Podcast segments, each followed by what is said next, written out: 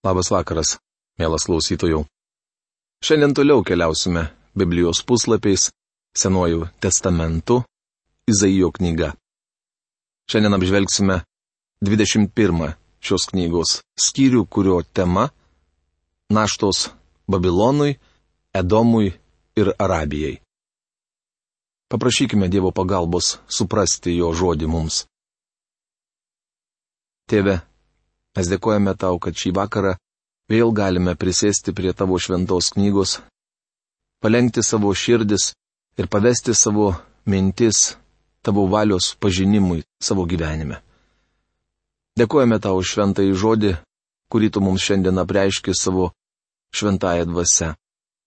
Prašom, kad padėtum suprasti šiandien mums skirtus pamokymo žodžius, įsigilinti ir įsiklausyti į tuos biblinius, istorinius įvykius, tinkamai adaptuoti šiam laikmečiui ir kiekvienam iš mūsų pritaikyti dvasinius principus savo gyvenime.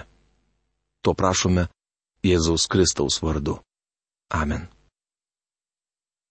Jau minėjome, kad Izaijo knygos 13-23 skyriuose aprašoma 11 naštų arba bausmių Izraelio kaimininėms tautoms. Skaitydami šį skyrių aptarsime septintą, aštuntą ir devintą naštas, kurios skirtos Babilonui, Edomui ir Arabijai. Aprašant šias bausmes, vartojami vaizdingi simboliai. Manau, kad Izaijo laikais žmonės juos puikiai suprato. Biblijos komentatoriai kartais nesutarė dėl šiame Izaijo knygos skyriuje vartojamų simbolių reikšmių. Skaitydami šį skyrių, kiekvieną simbolį aptarsime atskirai. Manau, kad jie reiškia Babiloną, Edomą ir Arabiją. Visos šios tautos buvo užkietėję arba potencialūs Izraelio priešai. Kiekviena iš jų vienu ar kitu būdu nuskurdino Dievo tautą, todėl neišvengė teismo. 21 Izaijo knygos skyrius yra retai skaitoma Dievo žodžio dalis. Norėčiau jūsų paklausti, kada paskutinį kartą iš šios skyriaus girdėjote pamokslą ar nagrinėjote jį Biblijos studijų metu. Įtariu, kad niekada negirdėjote šio Izaijo knygos skyriaus aiškinimo. Tikriausiai taip yra dėl to, kad čia dėstomos fundamentalios tiesos. Jau minėjau, kad esu premilenialistas, pretribuliacionistas ir laikausi fundamentalių įsitikinimų. Kitaip tariant, tikiu, jog Kristus paims bažnyčią iš šio pasaulio prieš didįjį suspaudimą ir tūkstantmetę karalystę. Taip pat tikiu, kad biblinė istorija skirstoma į tam tikrus laikotarpius. 21 Izaijo knygos skyrių nuosekliai išaiškinti galima tik laikantis minėtų nuostatų. Kitų teorijų šalininkai vengia nagrinėti šį skyrių bei kitas Dievo žodžio vietas, atitinkančias tokį mokymą. Man didžiausia įspūdį daro Izaijo knygos 21 skyriuje vartojami simboliai. Svarbu neužmiršti, kad jie visuomet atskleidžia tikrovę. Kaip jau nekartą minėjau, aš tikiu pažodiniu šventojo rašto aiškinimu. Daugelis Biblijos aiškintojų, norėdami anuliuoti šventojo rašto mokymą, vadina jį simbolizmu. Jie tarsi iliuzionistai ištaria fokus mokus ir simbolių nebelieka. Taigi, nebelieka ir dėl ko nerimauti. Bičiuli, nesistengkite apeiti šios šventojo rašto dalies bet studijuodami ją stenkitės suprasti, apie ką kalba Dievas. Ištarmė apie tyrus prie jūros. Kaip vėtros šėlstančios negebe, taip negandos atūžia iš dikumos, iš siaubo krašto. Izaijo knygos 21 skyriaus pirmą eilutę. Verčiant pažodžiui ištarmė apie tyrus prie jūros, reiškia ištarmė apie jūros dykumą. Jūros dykuma yra gana keistas žodžių junginys, panašus į frazę sausas vanduo. Gal tai mums netrodo labai keista, nes šiandien dažnai sakoma sausas ledas ir šalta ugnis. Daktaras Jenningsas šią eilutę verčia taip. Kai pietuose šėlsta uraganai, taip jie atūžia nuo dykumos, nuo siaubo krašto. Tai geras vertimas. Tačiau jame nenurodoma, apie kokią tautą kalbama. Devintoje šios skyriaus eilutėje rašoma krito, krito Babilonas. Tai reiškia, kad jūros dykuma yra Babilonas. Manau, kad spėjome įsitikinti, jog šios karalystės likimas buvo išpranašautas dar prieš jai įsigalint pasaulyje. Kai prisimenate, apie Babilonui skirtą bausmę skaitėme 13-14 Izaijo knygos skyriuose. Šventajame rašte Babilono vardas yra gazdinantis ir reikšmingas, dėl to vėl prabylama apie šios imperijos likimą. Kaip žinote, statydami Babelio bokštą, žmonės susivienijo ir sukilo prieš Dievą. Apreiškimo knygos 17 ir 18 skyriuose rašoma, kad Babilonas simbolizuoja paskutinę maištininkų tvirtovę. Šios knygos 17 skyriuje Babilonas apibūdinamas kaip religinis centras, o 18 kaip komercinis. Žodžių junginys jūros dykuma yra paradoksalus. Babilonas buvo įsikūręs plačiuose, tyruose prie Eufrato upės. Žemė drėkino nuo upės iškasti kanalai. Pranašas Jeremijas Babiloną prašo taip. Tau, kuri gyveni prie galingų vandenų ir esi paskendusi turtuose, atėjo galas. Tavo gyvenimo siūlas nutrauktas. Taip užrašyta Jeremijo knygos 51 skyriaus 13 eilutėje. Čia keistai susijęjama dykuma ir jūra. Panaši sąsaja minima yra prieškimo knygoje. 17 skyriaus 3 eilutėje paštalas Jonas rašo. Ir jis dvasios gale nusinešė mane į dykumą. Ten aš išvydau moterį, sėdinčią ant skaičiai raudono žvėries, pilno pikžodžiavimų vardų, turinčio septynias galvas ir dešimt ragų. Tai dykuma, kurioje Jonas regėjo slėpiningą į Babiloną. Apreiškimo knygos 17 skyriaus pirmoje eilutėje minimi vandenys. Eikš, aš tau parodysiu teismą didžiosios ištvirkelės, sėdinčios ant didžių vandenų. Dykumoje Jonas matė didžius vandenis. Šios dvi eilutės simboliškos, bet reiškia tą patį. Skaitydami toliau pamatysime, jog apie tai kalbama ir Jeremijo knygoje. Kaip žinome, Babilonas buvo stabmeldystės ir klaidingos religijos šaltinis. Jo blizgesys ir šlovė buvo tik miražas tyruose. Tai reiškia, jog ten nebuvo sieloms gyvybę teikiančio vandens. Apie tai turėtų susimastyti kiekvienas pastorius, radio pamokslininkas, kiekviena bažnyčia ir kiekvienas jos narys.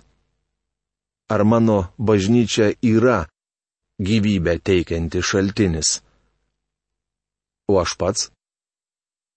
O gal aš tik miražas gyvenimo dykumoje?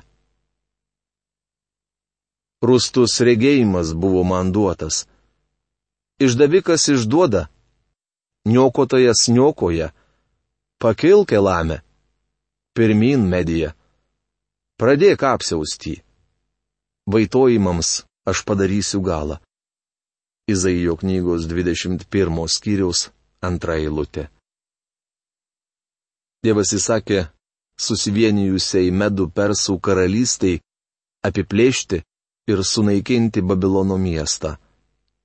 Pakilk Elame, kitai Persija. Pirmin arba apgulk mediją. Būtent taip ir atsitiko. Ši pranašystė buvo paskelbta prieš medų persų įsiveržimą. Todėl man dreba strėnos, sopuliais suremia mane, skausmai kaip gimdyvė nudiegia mane. Esu taip sukrėstas, kad nebegaliu girdėti, taip pritrenktas, kad nebegaliu matyti. Mano širdis virpa, mane krečia drebulys. Sutemų vėsuma, kurios troškau, man kraupi. Izaijo knygos 21 skyriaus 3-4 eilutės. Izaijas sukrečia žinia apie būsimą sunaikinimą. Šioje situacijoje atsiskleidžia Dievo širdis. Akivaizdu, kad jis trokšta parodyti gailestingumą ir neskuba teisti net tokio baisaus priešo. Taigi niekas negali džiugauti dėl Dievo bausmės. Dievas savo bausmę vadina neįprastu darbu. Jis nenori jūsų nuteisti bet trokšta išgelbėti. Tačiau rinktis jums.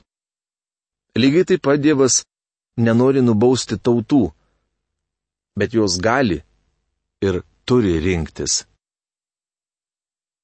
Stalas padengtas, kilimai pakloti, jie valgo ir geria. Kelkitės vadai, patepkite aliejumi skydus. Izaijo knygos 21 skyriaus 5 eilutė. Regis, tai sako liudininkas savo akimis regėjęs Babilono sunaikinimą, aprašytą Danieliaus knygos penktame skyriuje. Tačiau prisiminkite, kad šie žodžiai įsipildė tik po dviejų šimtų metų.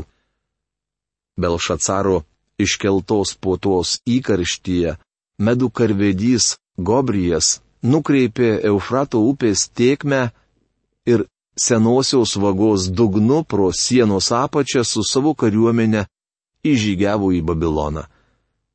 Miesto užėmimas buvo netikėtas. Dievas išpranašavo, jog tai įvyks. Ir sargybinis ėmė šaukti viešpatį, stoviu sargybos bokšte nuolat dienos metu, sargyboje praleidžiu naktį po nakties. Štai atskuba vyras vežime, kinkytame porą žirgų. Girdėti šauksmas - krito, krito Babilonas. Guli sudaužytos ant žemės visų jų dievų statulos. Izaijo knygos 21 skyriaus 8-9 eilutės. Sargybinis, stovintis ant sienos, praneša kitiems, ką mato. Jis šaukia matau nuo dykumos atskubantį vyrą vežime, kinkytame porą žirgų. Tai pasiuntinys šaukiantis. Krito, krito Babilonas. Sargybinis bėga pranešti karaliui, kad visas Babilono miestas paimtas ir dievų statulos sudaužytos. Apie tai rašoma Jeremijo knygos 51 skyriuje nuo 31 iki 33 eilutės tai liūdėsio, bet kartu ir palengvėjimo atodusis, nes Babilonas buvo stabmeldystės šaltinis. Mano tauta, tu buvai iškulta ir išvėtyta ant mano kluono grendimo. Ką girdėjau iš galybių viešpaties Izraelio Dievo, tai paskelbiau jums. Izaijo knygos 21 skyriaus 10 eilutė. Pjūtis yra teismo metas. Evangelijos pagal Joną ketvirtos skyriaus 35 eilutėje užrašyti mūsų viešpaties žodžiai.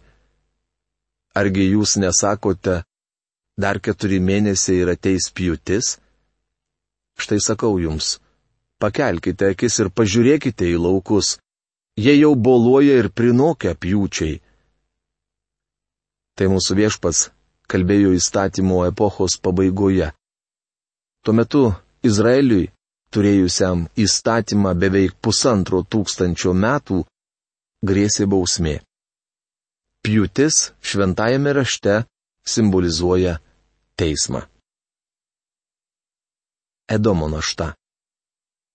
Ištarmė apie dūmą. Iš Seiro šaukiama man, sargė, kiek ilgai dar truks naktis. Sargė, kiek ilgai dar truks naktis. Izaijo knygos 21 skyriaus 11 eilutė. Tikriausiai kyla klausimas, kas yra dūma. Tai simboliškas žodis norėdamas perteikti gilesnę prasme. Izaijas žaidžia žodžiais.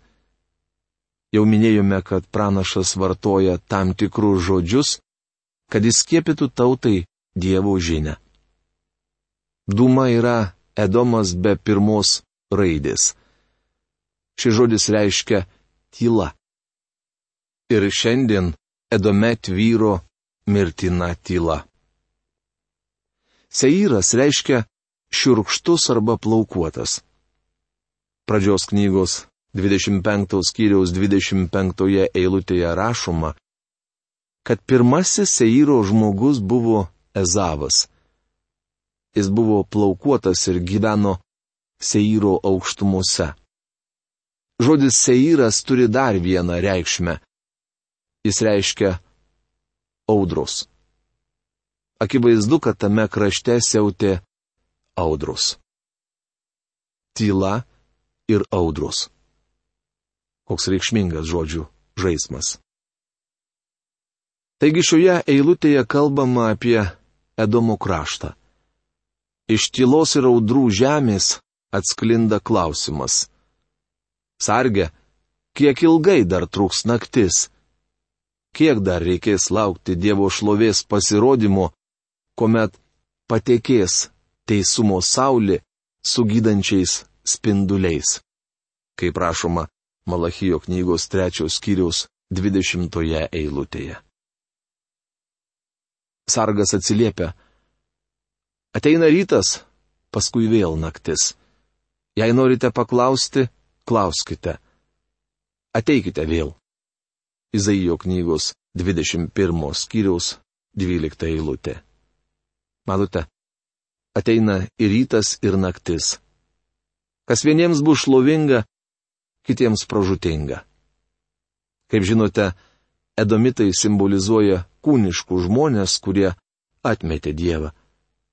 Dievo žmonių šviesa jiems bus pražutinga. Arabijos našta. Ištarmė apie Arabiją. Brusginę klajoklių žemėje nakvokite, Dedano karavanai. Izaijo knygos 21 skyriaus 13 eilutė.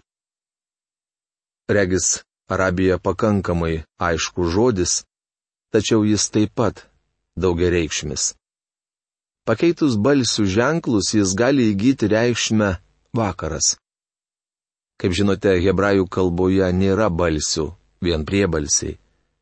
Kad būtų lengviau skaityti, mokslininkai virš priebalsių pridėjo mažus ženklelius, kurie atitinka balses. Šios eilutės prasme akivaizdi. Artinosi Arabijos istorijos vakaras, kitaip tariant, Arabijos saulėlydis. Tačiau jis atėjo vėliau, negu buvo manoma. Arabijoje gyveno Izmaelitai, dikumų beduinų gentys dabartinių arabų protėviai. Įdomu, kad Dievas jų neužmiršo. Abromo sūnus Izmaelis ir Izaokas niekada nesutarė. Šiandien jų palikuonys taip pat nesutarė. Arabai ir žydai vis dar pasirengia perkasti vieni kitiems gerklės. Jei Abromas matytų, kas vyksta šiandien, abejoju, ar būtų laikę savo nuodėmę nežymę. Bičiuli, nuodėmė žmonijos istorijoje palieka gilius pėtsakus. Ištroškusius pasitikite su vandeniu, bėgančius pasitikite su duona, temos šalies gyventojai. Nuo kalavijų jie bėga, nuo išgalasto kalavijo, nuo įtempto lanko, nuo karo pavojų. Mat šitaip man pasakė viešpats. Dar metai, vieneri samdinio metai ir visa kedaro šlovė prieis liepto galą.